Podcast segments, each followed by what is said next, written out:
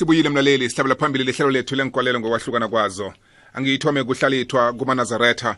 Mchumayeli uzimo siyabona nakadalako begodwa kuyahlathululwa ukuthi wadala izulu nephasi. Iphasi siyalibona sinobufakazi ngalo.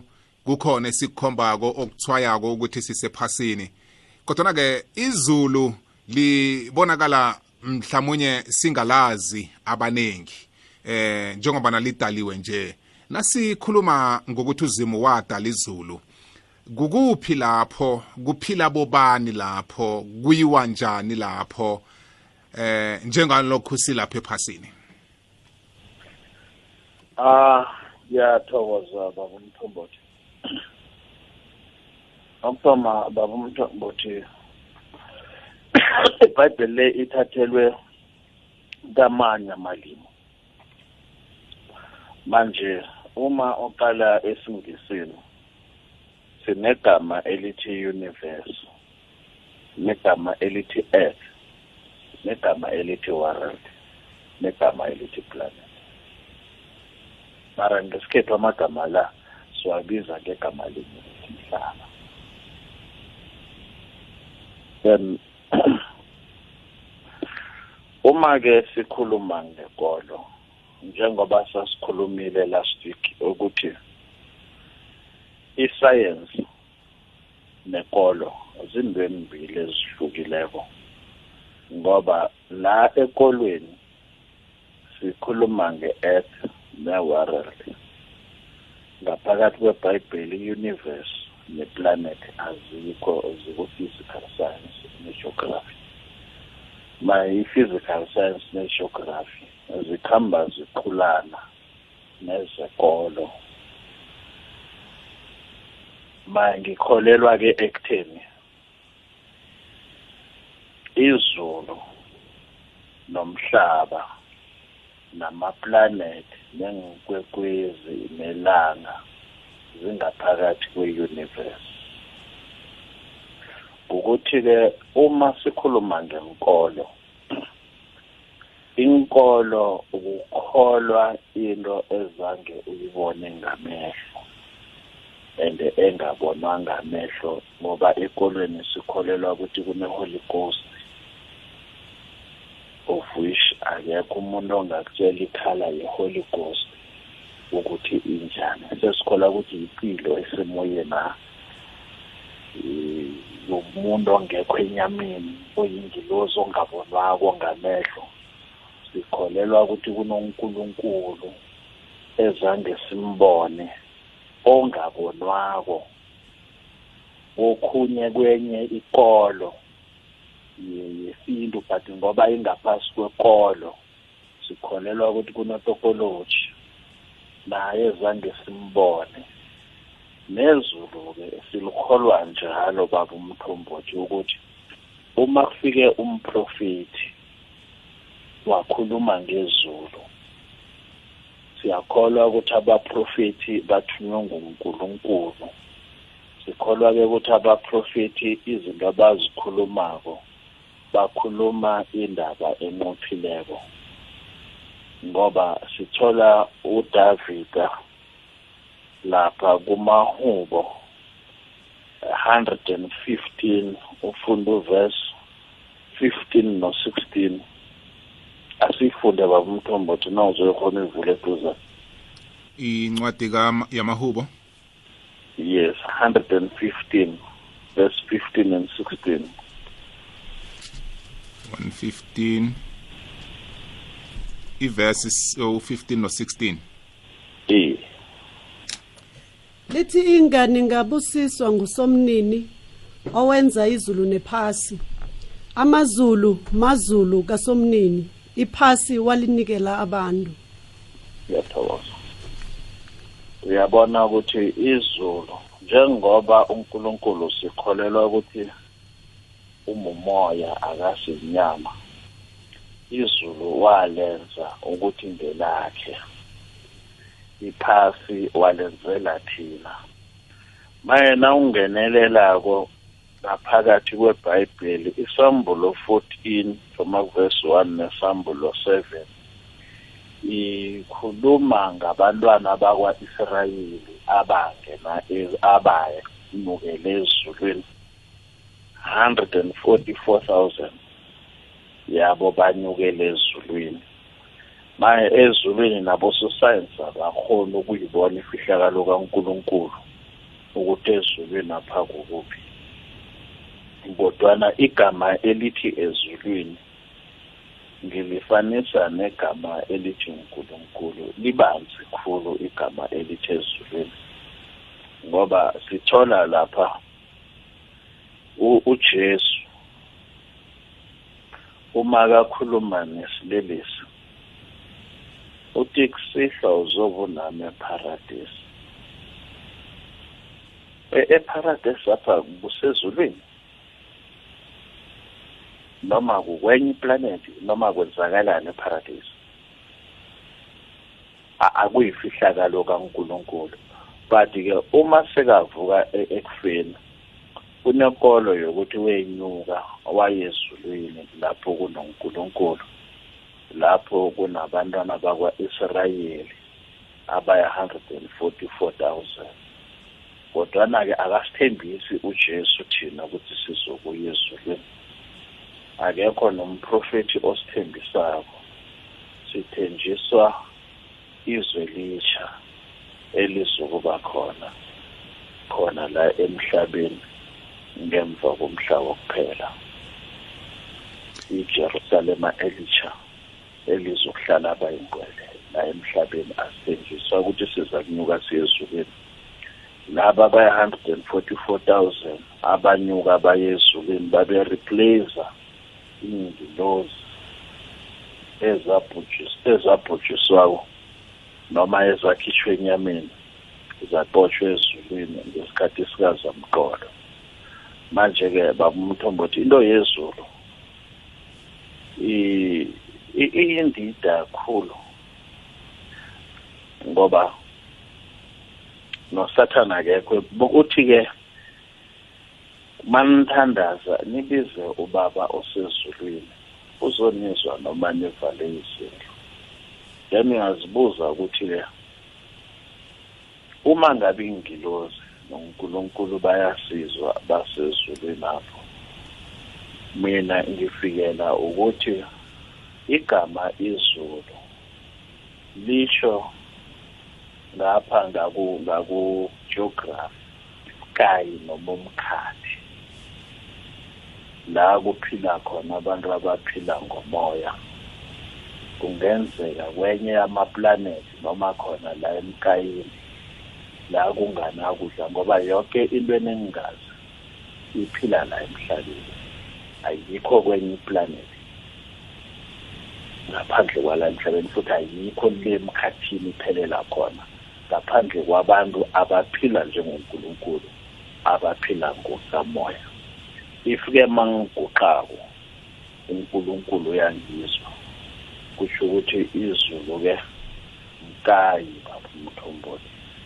Njengoba nenkosi ujesu kwathiwa iye- i- iyenyukile izulu arayathembisa abafundi ukuthi ngizokuba nani ngaso sonke isikhathi. Zobe ngikibanga nabantu-ke esondweni zobezwa bathi inkosi ujesu ikhona lakithi abanye bathi simzwa ngaphakathi. Abanye bathi uzokubuya. Abanye bathi ungakwesinene sikathixo. Kuningi nje okukhulunywako o- okudidako okudinga ukuthi umuntu i- i- ikolo u- uyivulela amehlo u- u- ungayiqali engathi njengedumpu epanelweko uqale phambili. Uqale mahlangothi wonke ukuthi then uma sikhuluma ngezulu kule ndawo la kuthiwa kusezulwini Mm. noma sikhuluma ngomkhathi ukuthi kusezulwini la kunonkulunkulu la khona ukubona konke ngoba abo abososayensi bayile kuma planet akhona but akekho odlulileko babona ngale kwelanga Mm. then uma ngabe nelanga lidalwe ngunkulunkulu mhlambe mangabe kunendawo kuthiwa kusezulwini mhlambe ngale kwelanga la singafiki khona we will never know.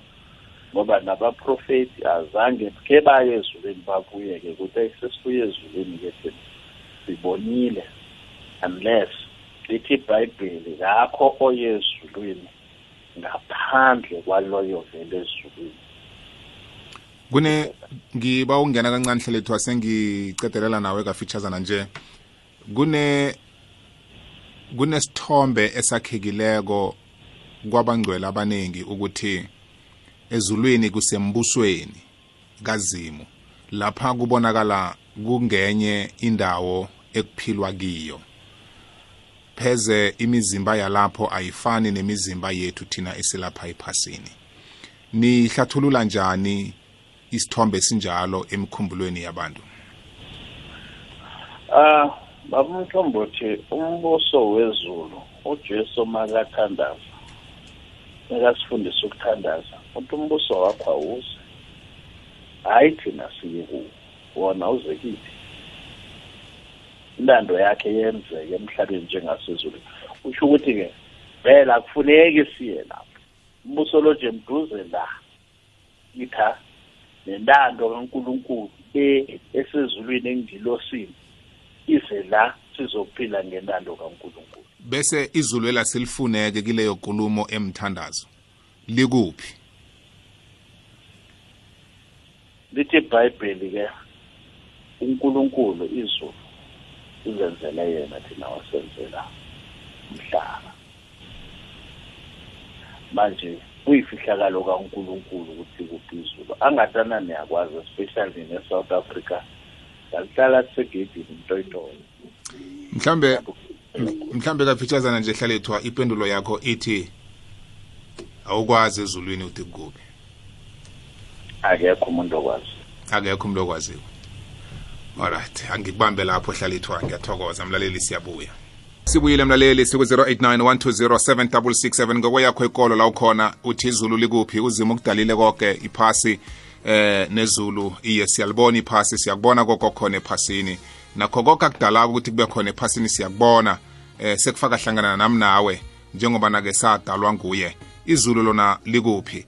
Ungangena-ke ukhambisana nathi 0891207667 uthumele no nephimbo lakho nge-whatsapp line. Mfundisi unomsamahlangu akhe ngitshideze nina eduze. Khe ngizwe bona eh izulu elisilikhobaphi ngithokoza kakhulu umthombothi eh ngiyasithanda isihloko sanamhlanje nanyana sindlondlobala senza abantu ba balahlekelwe kancane emkhumbulweni bangabe basazi ukuthi direction konje ichuba liphi. Kodwa na kuhle ngendlela enisiveze ngayo ukuthi umhlaba nakusikiwo siphila kiwo. Izulu lona likuphi? Aha. Umlaleli ekhaya angazibuza kanengi abatshumayelako bakhuluma ngokuthi mhlana umhlaba uphelako kuyiwe ezulwini. Umuntu nakahlongakalako ulindele ilanga lokuvuka kwabafileko nangabe ukhambe kuhle endleleni utshinge ezulwini nangabe kubhalile ungena esihogweni eh sikhuluma ngezulu mara isihogo sona sisichiye eqadanyana. And indwezi zombili kuhle bekufanele thana siziphera zonke njengoba sikhuluma nje. Mlaleli ekhaya ngifuna ukufunda incwadi kaJohannes chapter number 14 uverse number 1 ke ngifike nje kuverse number 3 umbuzo uthi izulu likhona na? Izulu likuphi? Thina sikholwa ukuthi izulu likhona. Incwadi engiyifunda la kade kukhuluma uJesu uJesu asinikela isiqiniseko sokuthi ngambala izulu likhona. Lithi iBhayibheli nakakhuluma kuJesu uthi inhliziyo zenu azingakhathazeki kodwa nakholwani kuzimu nikholwe nakimi. Kukhona inkumba eziningi ekhaya lakababa. Nakube bekungasinjalo ngabe nginitshelile njeke ngiyakhamba ngiyonilungisela indawo. Nasele ngikhambile nginilungisele indawo ngiza kubuya ngizonithatha khona niza kuba lapho ngikhona mina. Kukhuluma uJesu uJesu uphile emhlabeni uphile anguzimu ngesiqu senyama emhlabeni. Nasele akhamba ubuyela kubaba ezulwini ubuyela kuzimu uthi ngiyakhamba ngiyanichiya ngiyanisukele ephasini. Ukuhlukana kwabantu kubhlungu kodwa uJesu uyasiqinisekisa ubuyasibawa nokuthi asimase ukuthwenyeka nokukhathazeka kwangasuthi sekasihlubukile yena. Akakasihlubuki kodwa na uyosilungisela indawo lapho ubaba uzimu akhona khona? Uthe ekhaya likababa kunenkumba eziningi ngiyakhamba ke mina ngiyonilungisela.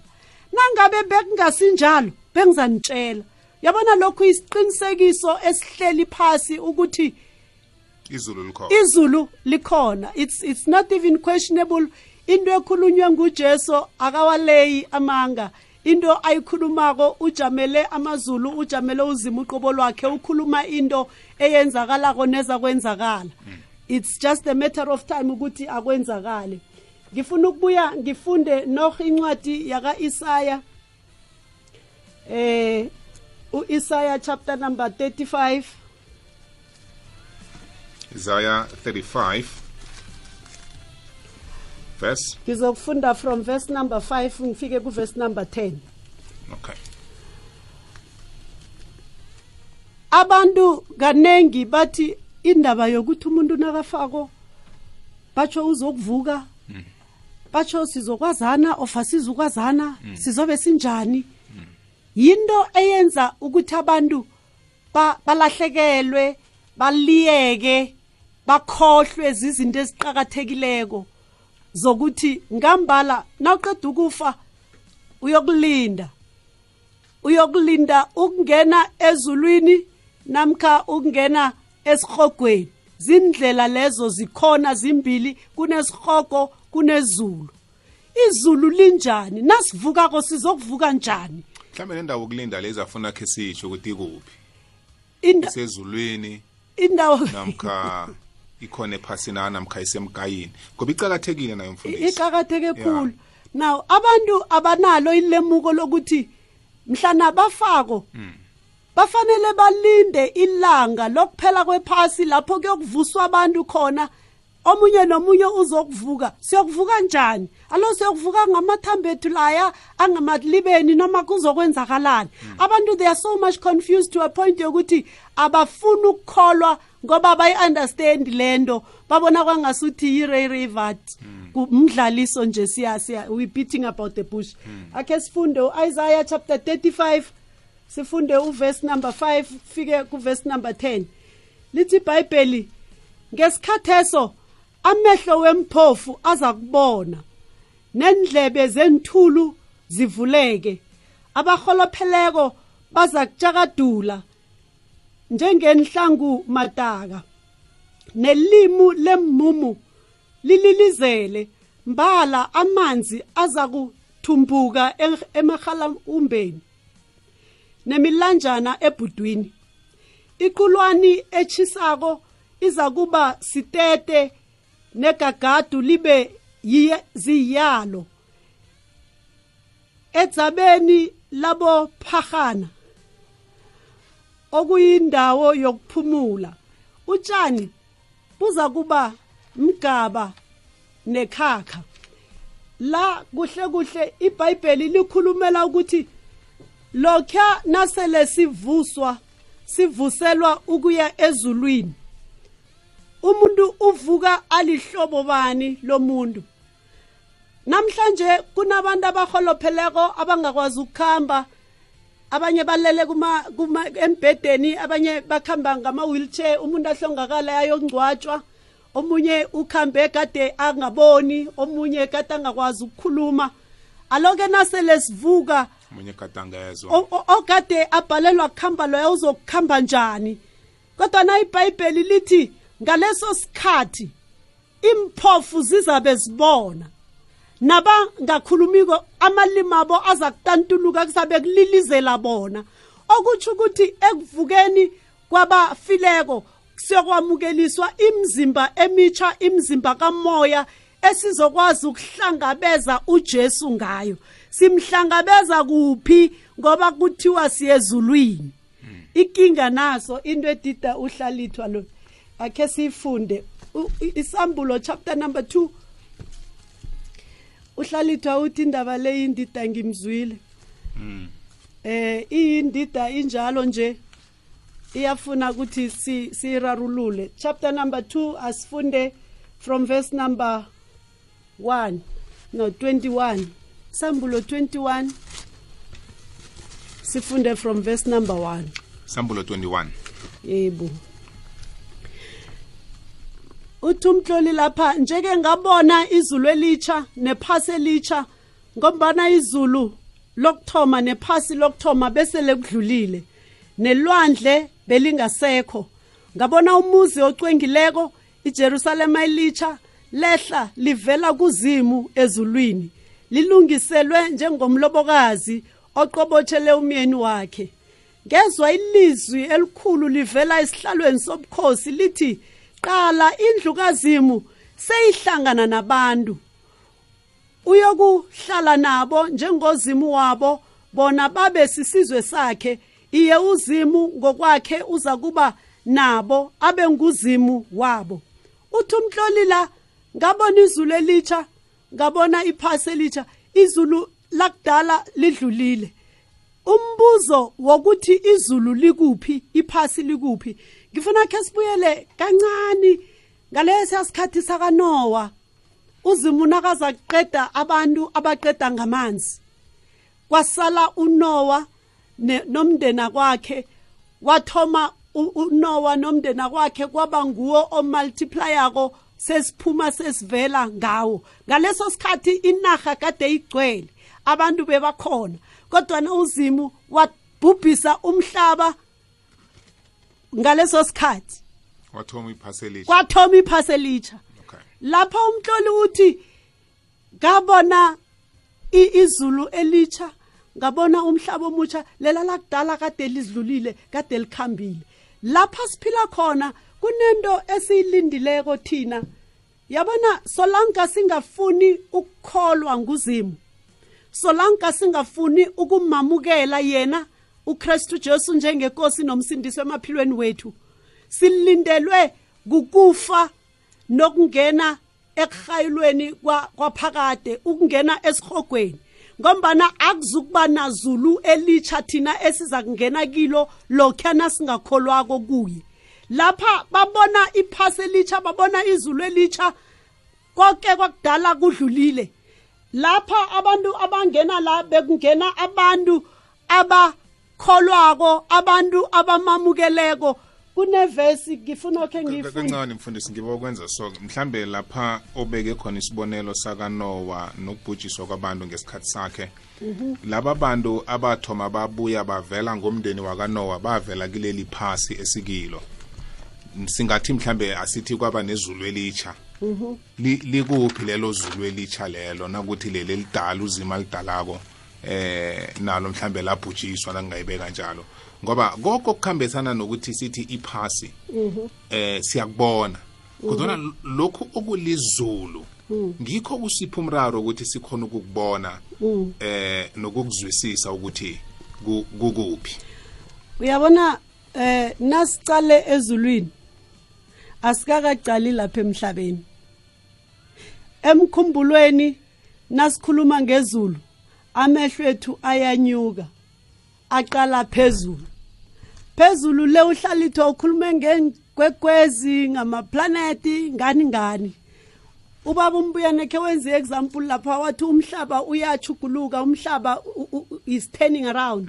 So at any given time nawuqabanga ngezulu awukwazi ukulibona ulapha wena ukhona. Noma ngabe umhlaba uphenduke sijame ngakuliphi ihlangothi. Whenever we talk about heaven imkhumbulo ingqondo zethu sihuluphela sicale phezulu. Sibona kune kunamadoda lapha ekuvukeni kwakaJesu uJesu nakaceda ukunyuka achinga phezulu. Ama am- ingilosi ziyafika zithola amadoda soloko acalile acale ngendlela lapha uJesu anyuke ngakhona. Ayabuza ingilosi zithi kanti nina madoda egalile ni soloko nihulu soloko nicalile nicale e- e- phezulu le nicale uJesu ezulwini. U- unyukile usezulwini akasekho la. And ukuthi uzomcala emhlabeni akekho emhlabeni akekho futhi nemkayini. Emkayini musindozi semkayini siyazibona. Cela iflying ekhamba lapha zayibona I- ama-parachute naba- nawa- ama-scientist ekhulunywa ngawo nakatshinga emkayini ayabonakala. Mara ofahla amafu utshinga ezulwini angilazi-ke izulu ukuthi lijame njani. Ngisesesemhlabeni. Angeze ngalifakazela ukuthi izulu linje linje. Mara ngokuya kwakajesu la uthi ujesu ngiya ekhaya likababa ngiyokwakha ngiyonilungisela indaba kunemakhiwo eminingi ekhaya likababa. Ekhaya ezulwini kunga- kungenzeka kufane nedorobha ekulu esingayijabulela nasifuna ukuyokufika khona. Ngoba ujesu uthi ngiyokwakha khona ngiyo- ngiyo- ngiyonilungisela indawo imakhiwo ikhona miningi mara ufahlile amafu ngeze wambona that's why nama-scientist angekho ambone. Izulu likhona alikho emhlabeni nasiliqalako sicala phezulu. Nawucala phezulu ngekhe ulibone. Akekho umuntu olibonileka izulu sonke siseplanini sisehlelweni ehehweni likazimu lokuthi mhlana iphasi liphelako. Lesikhathi sivuswa nangabe kade sesingasekho nangabe besiphila sihlwithwa sikhona la sizolibona izulu nangabe besikhamba ngokuya kwemlayo kazimu. Akuzukwenzakala ukuthi omunye athi mina ngibuye ezulwini ngibonile. Banenge abantu abakhulumileko bathi babuye ezulwini.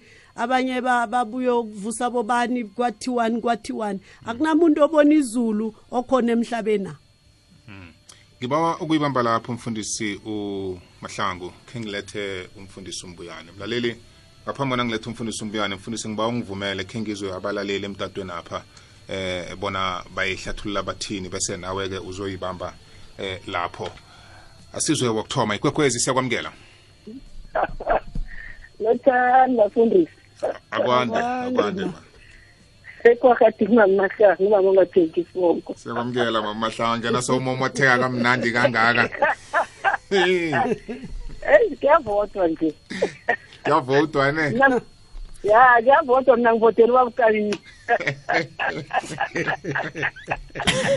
eyi nomunye yazikhethela makhathi agutshuze phasi owinile kuwinile ongakawini oluzile kuluzile khe ngithi kuwe-ke umvotela ngaliphi angithi-ke mina qobe ngishinga that lapha sithi Eh. siyakhonza angithi mara ngazi ukuthi engimkhonzako lo ukhona noma kekho na Mm.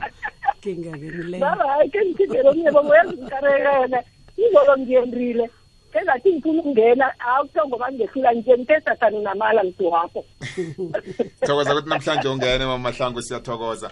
Asizwe omunye alandelako ikwekhwezi fm siyakwamukela.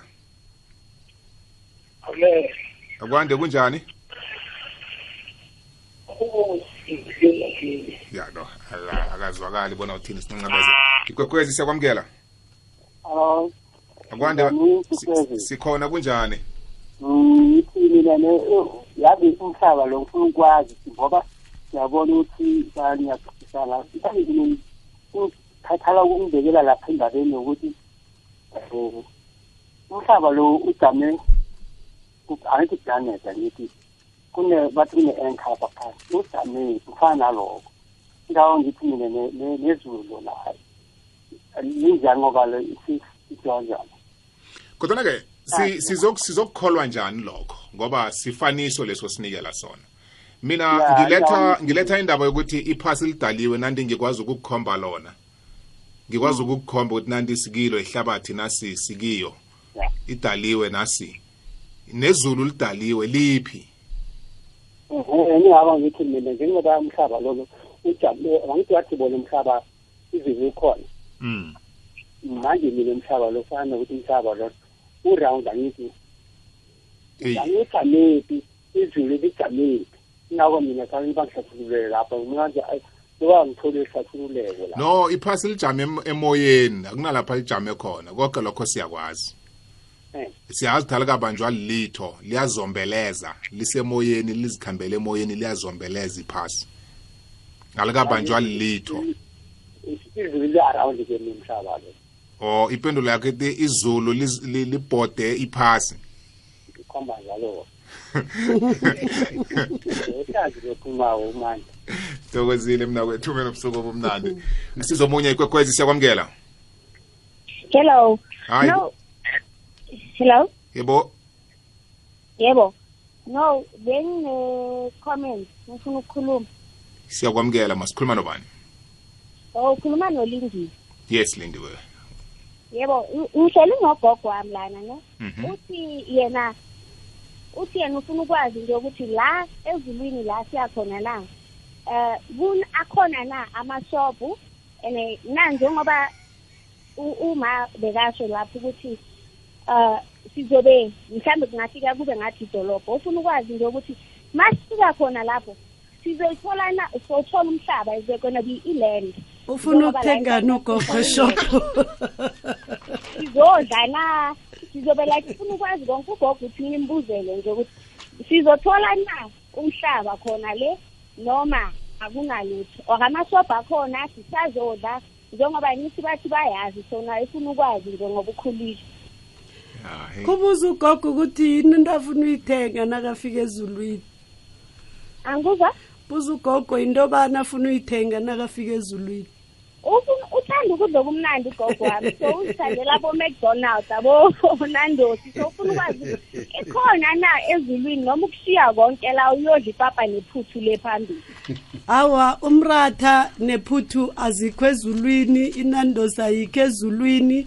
Ezulwini akudliwa. a- asizokudla ukudla okusenyameni ngoba sizabe simbethe imzimba kamoya. Imzimba kamoya ayidli igaliki ayidli acha ayidli nandosi ayidli zonke inkhanakhana ezikhona la. Nje nina ina- ningihelebhe ukuthi ugogo nakathola imali omndende nimthengele koko kumnandi lokho akufunako akudla sesekhona la akazi ukuthola ezulwini. Nemali la ngathi uyayibeka uyibekela mhlana siye ezulwini eh-eh mthengele nokumnandi nokudla mbathe ajabule lapha emhlabeni. Zenzakala la ezulwini akuthengwa akunandolo. Konke ezulwini kuzokuba akukho mnandi kodwa ezulwini ugogo uyahleka athi hayi ngathi akafuni ukuya khona. No no mntwana ekhaya jama jama ngikutshele jama ngikutshele umfundisi ukuphendule kamnandi. Eh isizathu sokuthi sidle kungoba umzimba esiphila ngaphakathi kwawo ufuna ukudla. Ukudla eh. Ya so ke nasele uhlongakele nanoma singakuphekela ukudla okumnandi kangangani sithi siyakudlisa angeke usakhona ukukudla. Awuzukudla. Ngoba eh a- akukayokwenzeka litho. U- u- u- ukusebenza na usaphilako ukudla? Alright sibazwile abalaleli sokubuyela kibo. Angilethe umfundisi umbuyane. Eh mfundisi anga anga ngiyazama ukuyithola ipendulo. Ngiya- ngiyamzudla litho ngiyamza umfundisi umahlangu. Bayangikhomba la engifuna ukuya khona kodwa na ngangafiki mhlawumbe uzangifikisa. Angiphinde eh, ngithi shalom mlaleli nawe bubu nabafundisi. Siyathokoza. Um uh, ake ngithome nje ngogenesis 1 verse 1 izosinika umkhanyo kancane. Eh ngizo ngangifundele yona mem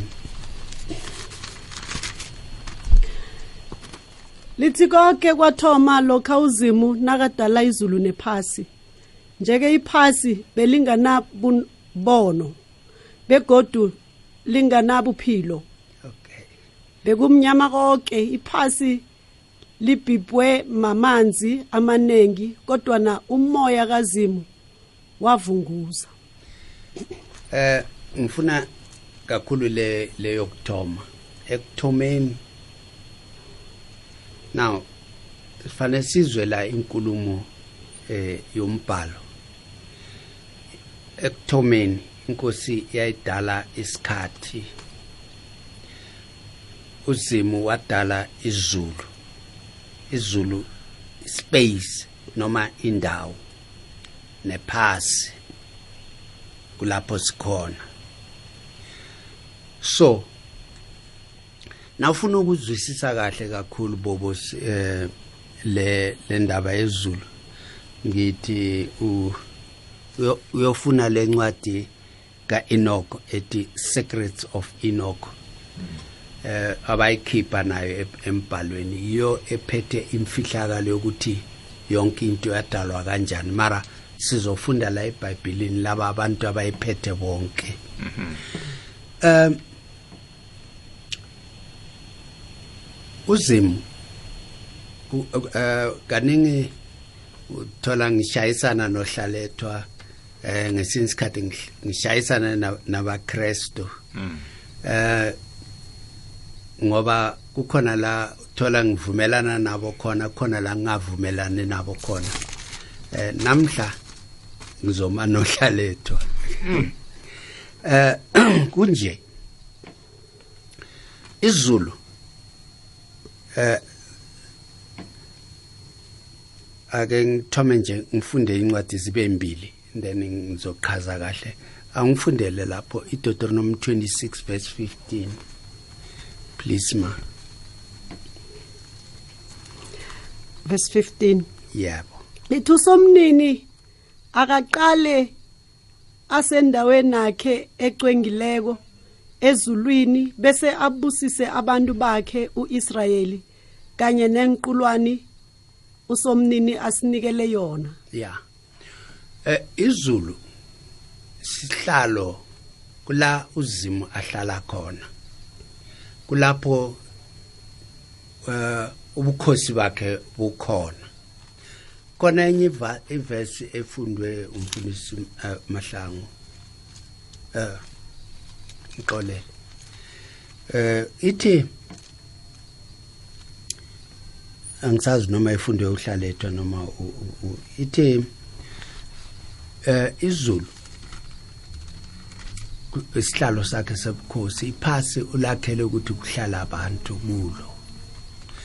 Manje- amahubo iya izulu eh nawuthi lukuphi ku- kuba budisi ukuthi ulikhombe.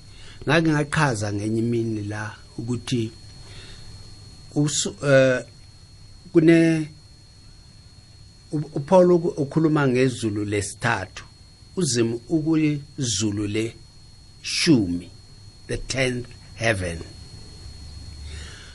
And i- izulu indawo into yokuqala eh noma ispace lapho uzimo enze khona ukuthi kuhlale izinkanyezi nalapho yena isihlalo sakhe sobukhosi sikhona. Manje umfundisi ufunde incwadi la yokuthi wabona uJerusalema omusha ayehla avela ezulwini. Now uzim ulungise leze le- le Jerusalema entsha. Izoyehla ize ephasini elisha ngoba uzo- uzoqeda lokho okukhona. Then abantu nabevuka bayomhlangabeza yabona lenkulumo sifanele sizwe nakuthiwa umuntu uyamhlangabeza awuyileya yakhona. Umhlangabeza ngoba eza kuwe. Ithi abalaleyo bazovuka. Abasaphilayo ngaleso sikhathi. Bazo bazophendulwa masinyane ba- bangene emizimbeni emisha. And then abaleleyo bazovuka nabo bambathiswe leyo mzimba ngokupanyaza kwe- kweso. Sinyuke sonke siyomhlakameza emafini. uJerusalem omusha uzobe elapha ephasini uyohlala kule Jerusalem endala la ikhona. And then ubukhosi bonke buzoba la. Kuzoyehla umbuso uze la ephasini. Ngi nangizwa kumina mfundisi ngexolisa ukungena emlonyeni. Yeah. iJerusalem elitsha elihla elihlaka lizokuhlala ephasini esigilo kimi kuzwakala ngathi kuzokwehla a new country. Nangathi A ngikhuluma city. nge yeah nangathi ngikhuluma ngeAfrica we've got 54 countries. Maybe siyoba ne55 nokwehla. Naseyefika izala. eseyehla izala. Nokwehla. Then kuzoba ngilabo abazokuhlala kiyo. Kwehla idorobha ya yesizo ukuthi ngizama ukuyibeka kanjani ngizama ukwakha isithombe. And eh, ubukhulu bayo? So umbuzo wami uthi buyokuhlangana iphaseli lonke na? Ngifuna uye kiyo obukhulu bayo. No i i 1000 kilometers square. Ngendlela ujohane eh, uJohn wabona beyimeshara ngakhona. 1000 1000 kilometers square idorobha elikhulu kakhulu ukuthi kusuka la kufike eCape Town mm ububanzi and square injalo. Ithi njenge cube. So i- idorobha enkulu iyakhwe nguzimu lapha inkosi izobusa ikulo. And then uh uh uye wabuza umbuzo abantu balinda phi? Okay. Um ke nawufunda imibhalo eminingi ingakurara uma ungafunda ngespeed eh, ikakhulu uma u- unga ungasi umuntu ofundayo ungumuntu nje ofuna amavesi lapha nalapha nalapha uyothola ukutshela enye into. Ithi eh inkosi ithi abantu bazozwa izwi lami baphume emalibeni angithi itsho njalo? Sengathi abantu balinda emathuneni. Ngeke ngayichaza nayo ngenye imini. Eh ngifuna sifunde i- ngifundele uIsaiah 59 50 yeah 57 ngiyaxolisa verse 1 and 2 amakholwa alinda kwenye indawo. Isaiah 57 1 and 2 ithi abalungileko bayabhubha. Akakho ocabangako ngalokho. Abantu abathembekileko kuzimu bayahlongakala. Kungabikho kungabikhona ozwisisako ngebanga lobumbi obulungile abalungileko bayahlongakala. Labo abakhamba ngobuqotho baza baza kulala ngokuthula baphumule emikhadinabo Eh eh, sinenkinga ngemibhalo yethu ngoba basusa incwadi eziningi la eBhayibhelini so uthola indawo eziningi awukhona ukuthola impendulo zokuthi kwenzekalani. Eqinisweni na uh, amakholwa angayenza ukuthi lezo ncwadi ezisusiweyo bazi bazifunele zona bona bafunde. Impendulo eziningi bayozithola. Eh khona incwadi echaza kahle ukuthi imphefumulo umuntu mayeshona um- eh, umoya wakhe uhlukana nomzimba. Umuntu ungumoya eh spirit soul and body. Manje ngi- ngiyazi ngesehebheru U- uneshama nediba and eh nefesh. Manje uneshama umoya umuntu lo wadalwa nguzimu ofana nozimu. Then unediba umoya ohlala la engqondweni yomuntu oyenza ukuthi umuntu akhona ukucabanga ukudlula izilwane.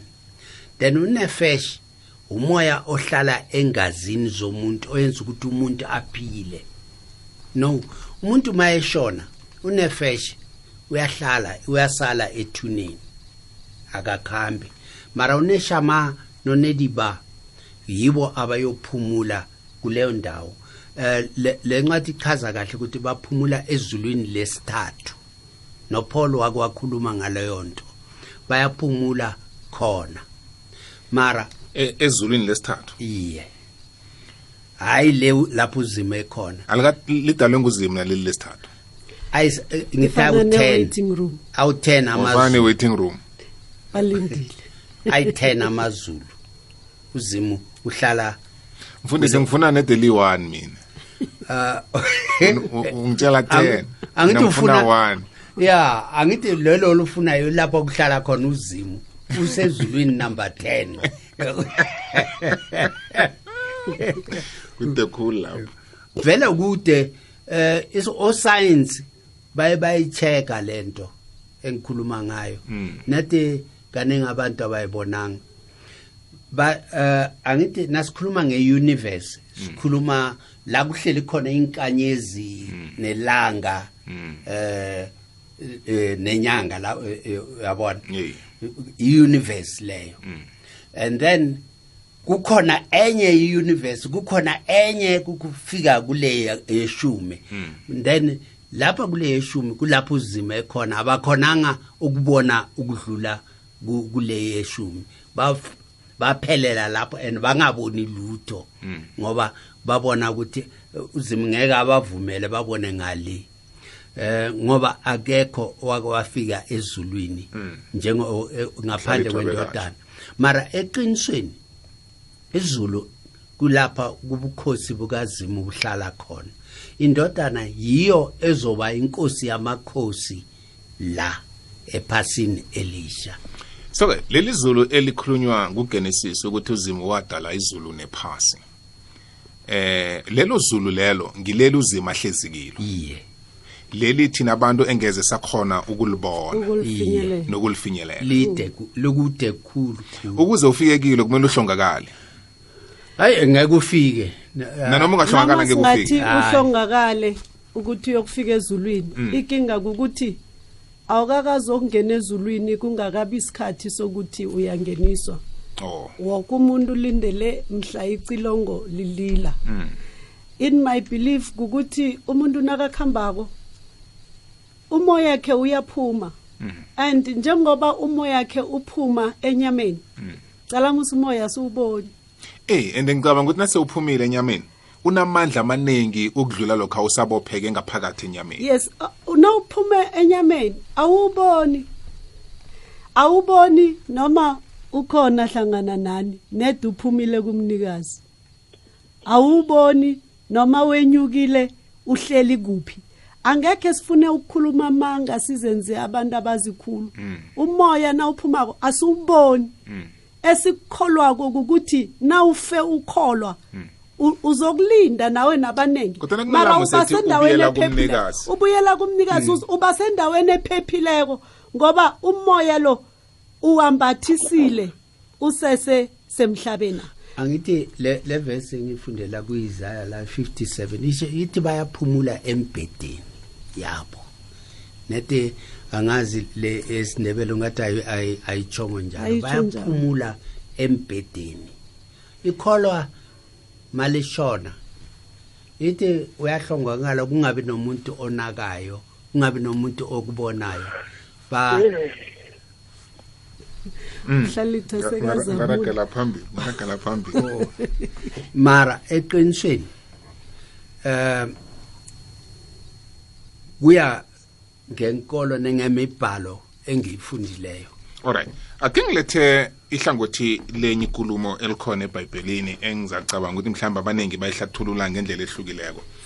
Incwadi ekugenesis 11 ngi- ngiyibawa ngesindebele mfundisi mahlanu genesis 11 sizoyithoma indima yesine eh verse 4 la abanengi uh, abanengi ba- bakholwa ukuthi abantu bebakhuluma ilimi linye abantu bebazwana Yes. abantu basikinyelwa amakhono Ngokunjalo. wo- wo- wokwakha nokwenza konke kusuka lapho bathi azakhe nombhotshongo mude ngoba bafuna ukubona kulapha kwabonakala khona uzima ukuthi abantu abana singabakhalimiko baza kuhamba babafike kithi. Bazobe bafika bazobe bafike ya bazawufahla umgayo babafike kuleli lesi-10 umfundisi ubuya nalijongo bebangasoze manje manje nakuthi nangebengeke bafike wehleleni uzimu?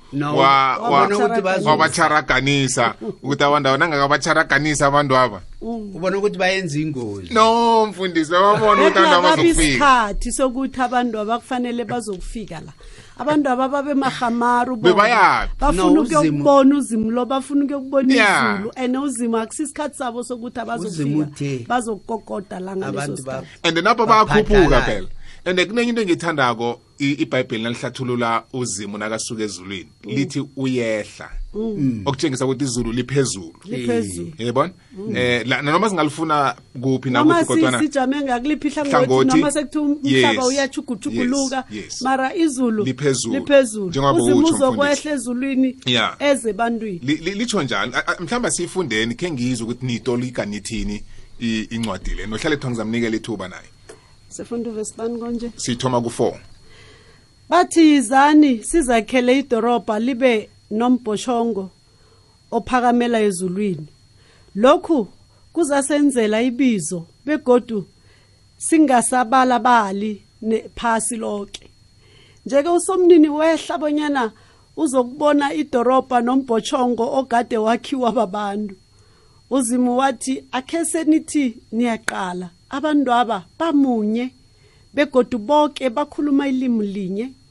Yeke baza kukhona ukwenza nanyana yini ebayitlamako.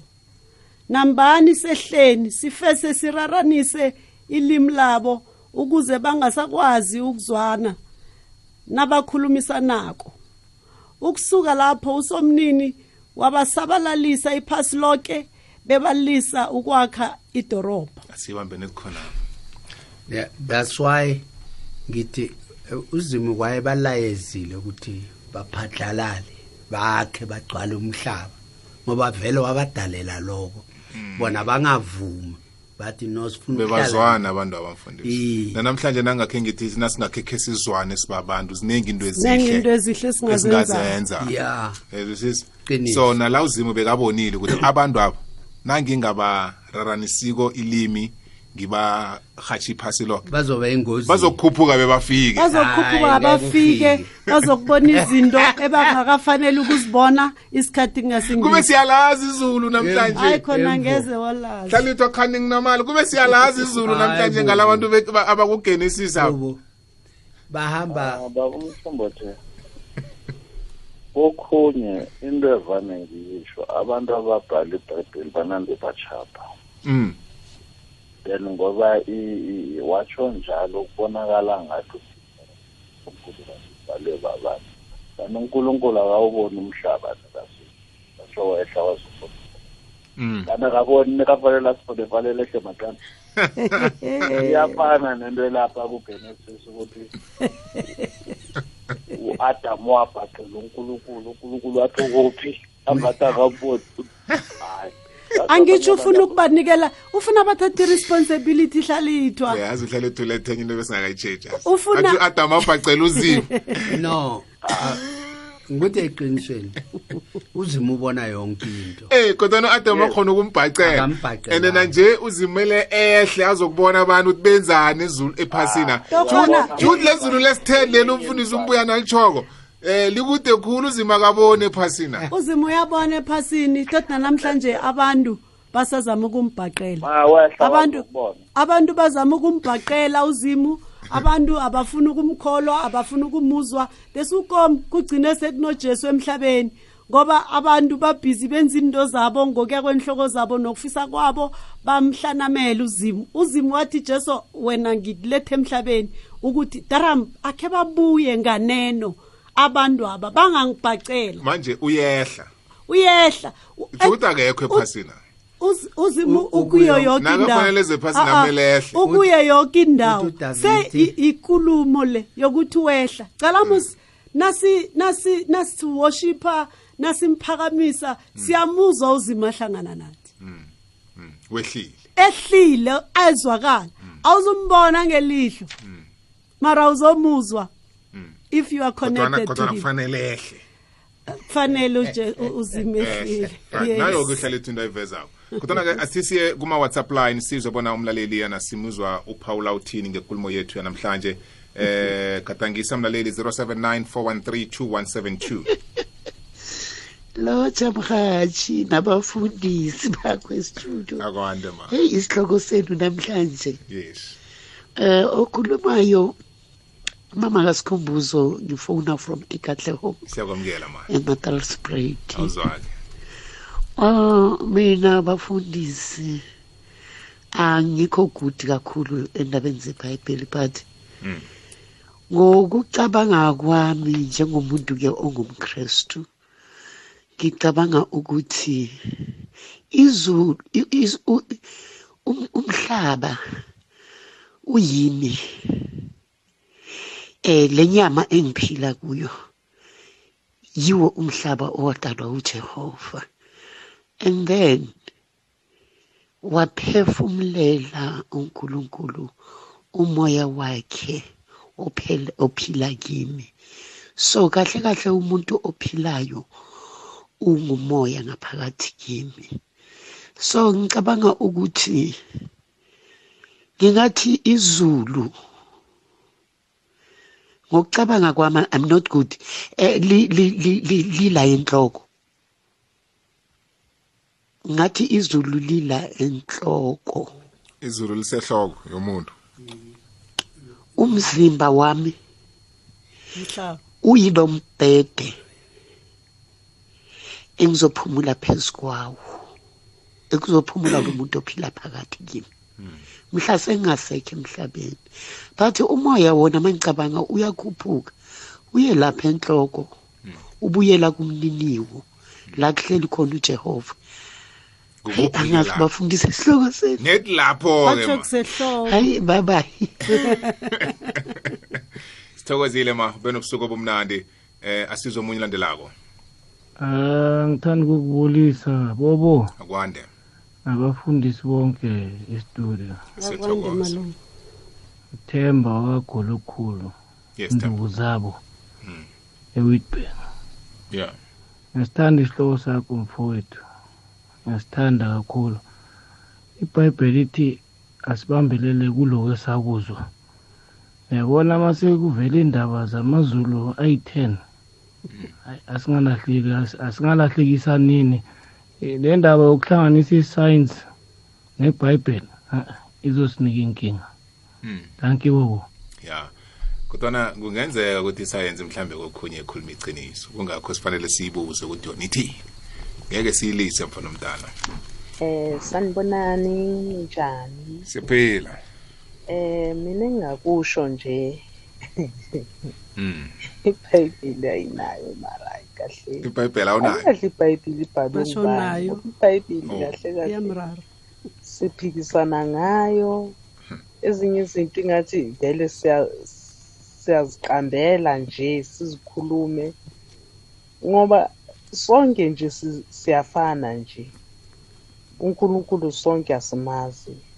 Mm. hayi siqamba izinye izinto eziningi siyaphikisana kahle kahle hayi indaba yebhayibhile ngelinye ilanga ungagcina vele ungayikhola ungagcina uyikhola. Ezinye izinto zakhona ungazikhola ngoba ezinye ziyayenzeka ezinye kodwa zenzeki ngoba mangibheka ngibheka namasonto wethu the way emaningi ngakhona. Mayikuthi uNkulunkulu u- u- uyedwa indaba kungabi nesonto e- eyi-one nje sizwane siye phambili. Ngoba lento ukuthi sibe nabo uNkulunkulu abaningi amasonto amaningi sifuna uba nabo uNkulunkulu abaningi nabo si- siphikisana nangabo. Ayi mina vele bobo iyangidida indaba yebhayibhile.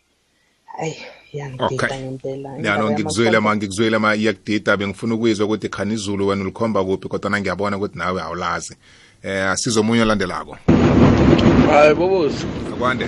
Eh, ngiyaxolisa mfana omdala ukuthi eh, ngiphazamise le nkulumo yakho nabafundisi. Khuluma nomabhena la ebhetali esemholini. Lo mbuzo ubuzayo abawuphenduli abafundisi. Bayajikeleza kufuna ukuthi bakhombe ukuthi lezulu likuphi kuphela. Bangafuni ihonor dencwadi izulu eli bangalikhombi ukuthi likuphi. Sifuna ukwazi izulu eli likuphi la likhona danke bobo. Athi ningafundi honor. Honor yencwadi jama khe khe ngihelebhe umlaleli. Kombani izulu bakwethu ukuthi likuphi encwadini kwabefilipi chapter 3 uthe ngafundi incwadi ezihonor umlaleli mara nakho ngiyabuyela. Ngithoma ngovesi number 18 ngifika ku-21 lithi ibhayibheli abanengi njengombana ngakhe nganitshela ngabo phambilini. Nanje engisanitshela ngabo ngenyembezi baphila njengezitha zesiphambano sakakristu. Isiphetho sabo sikubhujiswa uzimabo sisisu nedumo labo lisemanyale nabo. Imkhumbulo wabo inamathele ezintweni zephasi. Kodwana thina ikhaya lethu lisezulwini lapho silinde khona umsindisi inkosi uJesu Kristu uza kuchugulula imizimba yethu ethobekileko ukuze ifane nomzimba wephazimulo wakhe ngamandla amenza akhone ukwenza konke bona kube ngaphasi kwelawulo lakhe. Abantu abakhamba ngokufuna kwabo ngokwazi kwabo balungelwe kuhohlomela ngaphakathi kwesihogo. Kodwana abaphendukako abamamukelako balungele ukungena ezulwini balindile balinde inkosi uJesu Kristu ukuthi bazokungeniswa ezulwini. iBhayibheli la likhuluma ngetransformation eza kuba khona. Imizimba yethu le ayisazi ukuba mzimba yethu yenyama kodwa na kuzoba mzimba kamoya efana ephazimula njengokaKristu. Ku- ngiyathokoza mfundisi ibambe lapho. Kunenye into lapho engifuna ukuyibuza eh engicabanga ukuthi izosiza. Ngithanda ivesi oyifundileyo Mm. ngiye ngenza ukuthi ngibuze ngaleyo ndlela. I- izulu libonakala njengesithembiso le le lendawo esiya kiyo. Lapha kuyokuphila khona abafanele ukungena Kilo. lapho kilo. Yes. Ukwenzela ukuthi nasesela ephasini sibe nendlela esiphila ngayo esihlanganisa nozimo ukuze sikwazi ukuthi Uthi? nasele sidlulileko siyokufika silibone. silibone. Yes. Kodwana soloko kwathoma ukuba khona umuntu ephasini abaningi bebahlongakala asinasiqiniseko sokuthi bakhona bangenileko lapho. Lalela kancane mfundisi ngoba akekho khe wabuya Mm, wasitshela ukuthi kunjani. Mm. begodu akufani nomuntu osuke la waye Cape Town wafika wathi ngiyibonile yihle inani namkha iDurban namkha iAmerica namkha ini nani nani nani Mm. lapho omunye nomunye umuntu azakuthini ngizakusebenza ngamandla ukuthi nami khe ngiyokujika lapho Mm. manje izulu leli uzimo ngathi ulithethe walifihla ne naqeda ukulifihla wasenza thina abantu ukuthi si- si- sikwazi ukuphila ngendlela ethileko ephasina ngoba sikholelwa ukuthi nasiphila njalo siyakilo. Lona likhona akakalifihlo okutheni. Sekukuthi isikhathi sethu sokuyokungena kilo asikakafiki bengikhumbula nakuthi alikho. Cala cala and akekho umuntu obuyako Qala, uzositshela ukuthi qala, ye bakwethu. qala, qala. hayi lena ayikho na nasi isicebi mthombothi. Nasi isicebi siyalila sililela uzimu sithi eh, silila u-abraham. Abraham uhlele esifubeni sikazimu. Lazarus ulazaro uhlele esifubeni sikazimu. uAbra u- u- isicebu siyalila sithi baba Abraham thumela uLazaro loya. Uphile impilo emakhwakhwa uLazaro ngomthlago ngokuthwenyeka ukuhlukumezeka ephasini kodwa na akholwa athemba uzimo impilo leyo uzihlawulele yona. was was wasbawela isikhiya sokuyokungena endaweni engcono sekunaleyo ezokungenwa umuntu ongakholwako. Isicebi siyafa kade siphila kuhle senza zonke izinto kumnandi kodwa nasele sidlula akusafani ke manje sekayahalela ukuthi thana angenza ngenye indlela. Manje mfundisi ngamanye igama ngalivesi leyo utsho ukuthi sihlage. Ngoba No. siyokulungela ukuyongena ezulwini. No no no asihlagi yabona ukuthi kodwa nasamukela uKristu. Mm. uKristu iBhayibheli musilithe uJesu uze ukuzosipha ukuphila sibe nakho kuchichima Mm. aba amakholwa athanda umhlako nama sangizwani nawo. Mm. mara ke godu anginenezeli amakholwa wokuhlala receiver avilapha angafuna ukubereka indaba leyo muthi icace. Kumele ngizinze asihlagi sizimore sizinqore izinto singafuni ukujabula singafuni ukubuza ubumnandi. Nangabe siyakhona. Ngoba sithi noLazaro Uzimo- wahlaga. ngoba ulazaro wahlaga no ulazaro wayesesabelweni leso somhlago akusithi sonke sizokunjinga akusithi sonke sizokuphila kamnandi. Abahlagako bazokuhlala bakhona. Ibhayibheli khe yatsho njalo ngelinye. ngalivesi uveza ukuthi la si- siboniswa ihlangothi langale kokuhlongakala langale kokuhlongakala ukuthi wa- wadlula Mm, ungazani noKristu mm, uyokulila nawe ufane nesicebi mm. cala musa isicebi sithi thumela ulazaro azokutophiza nedi amanzana amancane Mm. ukuthi ngingabe ngisatsha lapha ngikhona akusimnandi Mm. kwathiwa awu akusakhonakali ukuthi angenza njalo wathi yeke-ke ngibawa-ke nithumele omunye kubafowethu abaseleko lenzasi le ukuthi nibatshele bangazi ngendlela mina engikhambe ngayo. Ngoba indlela engikhambe ngayo le ayikhona kuyafiwa akusimnandi. Okutsho khona ukuthi na ungakakhambi ngendlela yokukholwa isihogo uqalene naso mntu abantu noma uyafuna noma ufuni noma u- unganaso isiciniseko sokuthi izulu likuphi izulu iqiniso lithi likhona. Right. Lokho uzimo nakadala izulu nephasi ngiyacabanga ukuthi umuntu bekangakoni. Umuntu ne? Bekangaboni and eh and eh, umuntu bekaphiwe iphasi ukuthi aphile ephasini. Aphile kamnandi kuyatsho ukuthi phansi. ukuthi ngathana umuntu azange onela uzimo. Nezulwini apho bengekayi? Angisho manje izulu lizokwehlela emhlabeni. Phela umhlaba lo no uzokubhujiswa izulu lithoma ukuba khona sele umuntu awonile ukuthi lunga ukuze uzokuya ezulwini. Uzokuya ezulwini. Manje ifana ifana ifana nokuthi ifana nokuthi nasikhalima abantwana bethu mntwanami ungadlaleli entakamizweni entakamizwa ziyinkinga and sikhuluma Zizokwenza- iqiniso. Yes. zizokwenza sona sona sona bese afuna ukuya besafuna ukuya kayo ayo i-experience into elayikhona. Abanjwe isihogo. abanjwe isihogwesa ya then Seku- olaleleko ukuthi ungangeni entakamizweni isihogo singambambi. Sibonele lento esitsho la. Sibonelo, yes. right kodwana nangibuyela embuzweni nami ukuthi izulu nephasi nalidalwako. Mm. uzimu kile ncwadi efundwe nguhlalithwa amahubo of 115 Mm. verse 15 kuya ku-16 izulu uzimu bekazidalele yena. And then thina abantu wasidalela iphasi. So-ke asinasidingo sokuthi fanele silazi ukuthi likuphi njani ngoba akusilo lethu. Angazi ukuthi ngizisa kuphi. bekufanele bekufanele umuntu aphile ephasini ngokuya kwentando kazimu. Umuntu bekangakafanele uku-experience izinto ezimbi nezibhlungu ezenzakalayo ngokuya kwekambiso kazimu umnqopho kazimu bekukuthi umhlaba lo njengoba ngiwubumba unje ngifaka umuntu kiwo.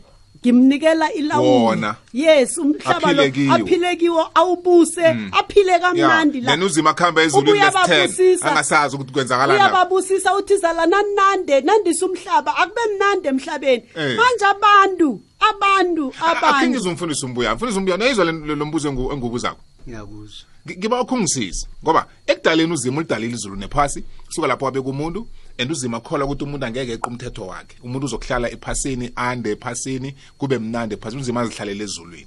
Kodwana-ke umuntu weca umthetho wona nje umuntu sekufanele aye ezulwini kuzimo uzimu eh akadalanga into angazi ukuthi ingomso layo liphi.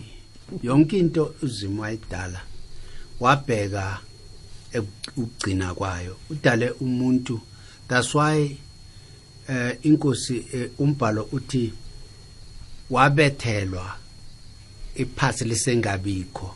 Le nkulumo ngeke uyizwisise na nangabheke why wabethelwa iphasi lisengabikho? Umuntu asengadalwa. Inkosi yaseyibethelwe ukuthi seyizinikele ukuthi izobafela abantu ngoba uzimu wayebheke ingomso wazi okuzoyenzeka kusasa yithi kuphela esilimitwa isikhathi inkosi ayi- ayikho esikhathini ingaphandle kwesikhathi. Yazi okwenzeka namhla nakusasa nanini. Kungako nabaprofiti uye wayebatshela ukuthi ngesikhathi esithile kuzoyenzeka into ethile. So eh kodwana mfundisi ngithi mina ngathana u-adam no-eva zange baweca umthetho? Bone. Nezulu elo bengekhe sicabange nokuthi likhona. Bekungazukuba nesidingo Ne- sokuthi benganasidingo nokuthi siye kilo. uzimu bezokwehla njengoba kade asehla Manje khuluma amagama izulu alikho. izulu likhona. nanoma sithi siyabhubha siyoke ezulwini? No asilapho uzimu wadala izulu nephasi. Siyokuvele sibuye ephasini ene izwi lekazimu lithi iphasi ulidalele ukuthi abantu bahlale kulo. Mm. yabona uzima akatshintshi into ayikhulumile. Mm. Eh okuzoyenzeka uzorenewa le phasi njengoba walirenewa. Uyachi- uyajubula mfundisi umbuyana Ah, ah. ukuthi asisaye ezulwini. No azange ngitsho ukuthi kuyayiwa ezulu oh okay. Azange ngaya amagama uthi Ah, eh, Hey. Angithi so uzwile so asivumelani. Um- izulu alikho asivumelani. um- izulu izulu likhona. okay okay asivumelani izulu likhona. Yes. kodwa nakusilo lethu thina abantu le eh, sihlalo indawo kazi indawo kazimu. Indawo kazimu. Abantu badalelwe ephasini. Yeah. And then inkosi iyayehla iza la. Ne ne ne- neJerusalem entsha iyayehla iza la. Manje nawuphambana nayo uyapi wena? Mm. Okay bambe lapho. Khe ngizohlala khe ngizohlalidwa kancane mfundisi. Eh mchumayeli baba. Nasi indaba eh, engiyibuza abafundisi ungaphendula uthini? Mm, baba umthombothi njengoba sihlale sikhuluma uzimo akayenzi into angazi isiphetho sayo ukuthi waze namhlanje neveke zayo true. So udale umuntu azi. Ukuthi kuzofika isikhathi la umuntu azokufa khona. Then thina-ke amanazaretha ababa umthombothi E- e- emathuneni sisinyama umoya wethu awulinde emathuneni ulinde emakhaya senze isibuyiso sibuyisa umoya ozokulinda ekhaya asilinde emathuneni. So umo- umoya wabahlongakeleko uhlezi emakhaya wenu? Iye njengoba kusho incwadi ka-isaya 26 ngovesi 19 no-20 okay. Awusi awusilapha ekulindeni la bebatsho khona umfundisi umbuyana Mhm. awulindi nembungu lapha emathuneni.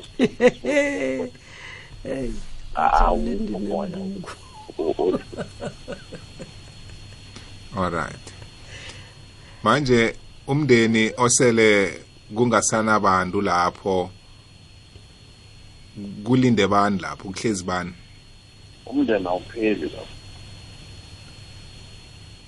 Eh ngiyavuma umndeni awupheli. Ngenzeka ukuthi umuntu ugcine asela yedwa sele nabomakhelwane. Alale naye bambeke. Hey uyaphela umndeni. Eh bavale naye- ngehlala eh naye bambeke kusale ngasanamuntu kusale kumarubhi ungaba lapho. Nesizukulwane kungibani olindileko lapho? Bayam- bayambuyisa nahlalithwa bambeke Yokubu- ngaphasi Lo- kwesihlahla bathi wena hlala lo- bakhe ngezwa lo- omunye uma lo wokugcina lo yokubuyiswa ngibani Ba- umndeni aw- aw- mndeni awukho muphi lapho. awusekho awusekho. Akwenzeki umuntu akekho umuntu onganamndeni emhlabeni. Ngiyavuma akekho umuntu onganamndeni kodwana kukhamba lapha kufike khona ukuthi umndeni lo awusekho. Kusela abantu akhe akhe nabo. Angeke kwenzeka ukuthi umndeni umuntu awusekho. Hawa kuyenzeka Awa. kwenzekile kaningi. Kuthiwa kusenamahlangu emhlabeni awura kusenakabini no sibongo sona ngiso siyafana kodwana akusibo labo ekhethu ingas- belethwana ingasesengibo abokabini bonke ngebekhaya munye umuntu owadoma wabangikabini sonke noma ngingathiwa ngikabini isibongo fatata ungazani thina Hayi, mara? nami ukabini ngivumelana munye. nohlalethwa yasijikela. Hayi wakambuyana umbuyana net net umbuyana wakithi Yewekhethu.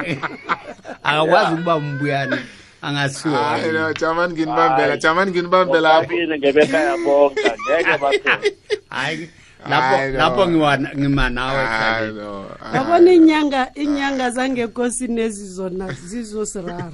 Mto- mtomboti usho ukuthi wa- hawa sesibashumayela umnyanga sabulisa wonke wakamtomboti wakithi no ngebekhaya lapho. Mm. Eh, akhe ngizwe olandelayo emtatweni kwekwezi ungene lotshani bafundisi. Akwande baba. Akwande. Siyambingelela ngegama elikhulu lakazini amen. Siyathokoza.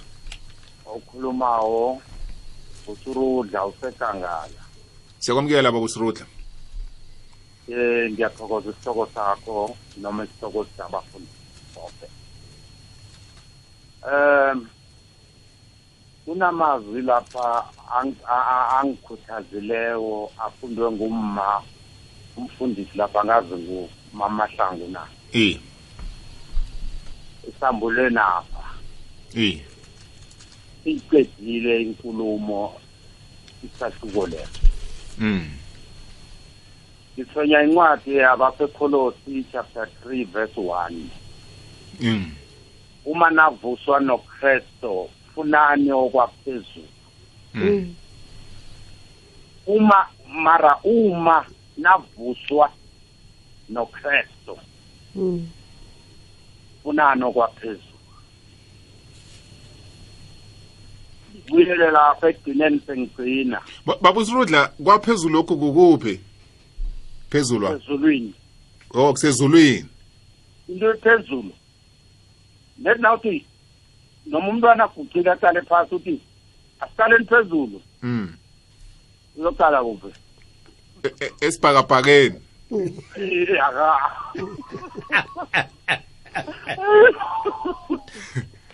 Funa uma mara uma. Manje manje ya- yankari inkulumo leyo. Siyokufuna njani singakwazi lapho? Angithi into na ungayaziwo mntu uyifune? Iye kungakho namhlanje siyiphumputha ukuthi kukuphi lapho? Kusezulwini. Kuphi? Phezulu.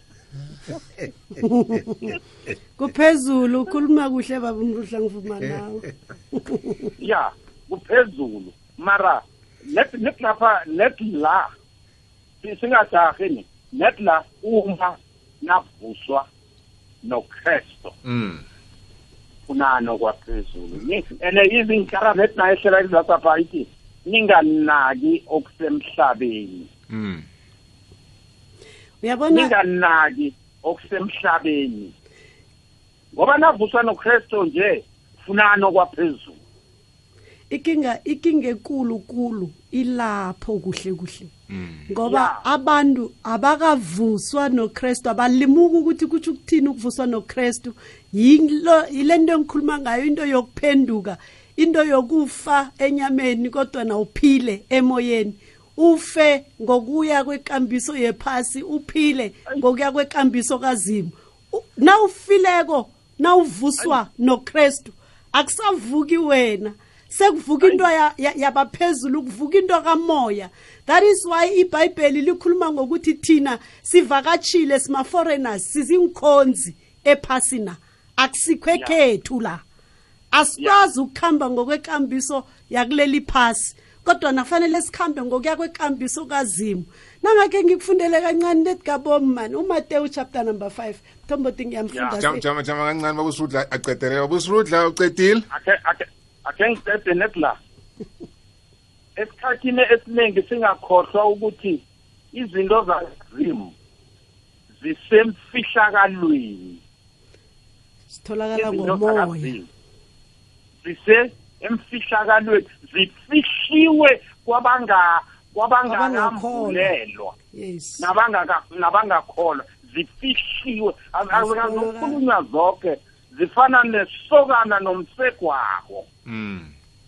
Eh asiyasizukukhuluma konke sikhamba nomsegwabo sikhuluma siyokhunye. Ngoba okhunye umsegwabo akazi uku-understand akazungizwa ezinye zambulwa moya Ah, Kazi. man, now, uyabona Uyabona le- ngiyadumba baba. Ah, ngithi le nkulumo yokuvuka naye yona imfihlakalo. Ngoba ya ya. abanye nje bayakhuluma bazi ukuthi bay- bayisho ukuthini ukuthini. ukuvuka naye.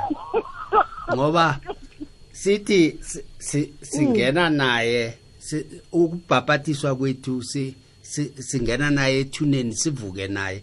Uma ungabhabhatiswanga ngale ndlela ibekwe imibhalo awuvukanga naye. Awuzuzilemuka nento ze- ze- ze- ze- jamanike sengiphelelwa ama-ten rand ten rand ngiyamipha swalindile swalindile. Amen. amen. Thokozile babusirudla ube nobusuku obumnandi. Bofunda umatewu bothini. Umatewu chapter number 5 ngifuna ukufunda uvesi number 18 lithi ibhayibheli ngambala ngiyanitshela bona kungakadluli izulu nephasi. Akunaledere nalinye. Ngitsho nesiqetshana segama esizokudlula emthethweni bekupheleliswe konke.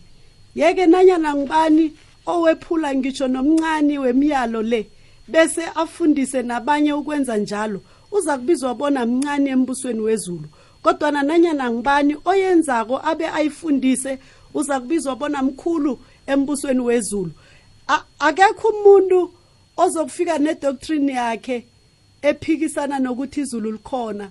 Ikhisibe ujesu indodana kazimu ithi ngiyakhamba ngiya ezulwini ngiyokulungisela nina inkumba lapho nizokuza khona. Ngizathi mina nase ngizilungisile ngibuye ngizonithatha ngamunye ngamunye. Ngi- ngibawa sisonke ikhulumetha namhlanje. Umlaleli ngihlayelelwa sikhathi. Bengifisa ukuthi ngathanda singathole linye awara eh siragarage kodwa ke isikhathi siyala.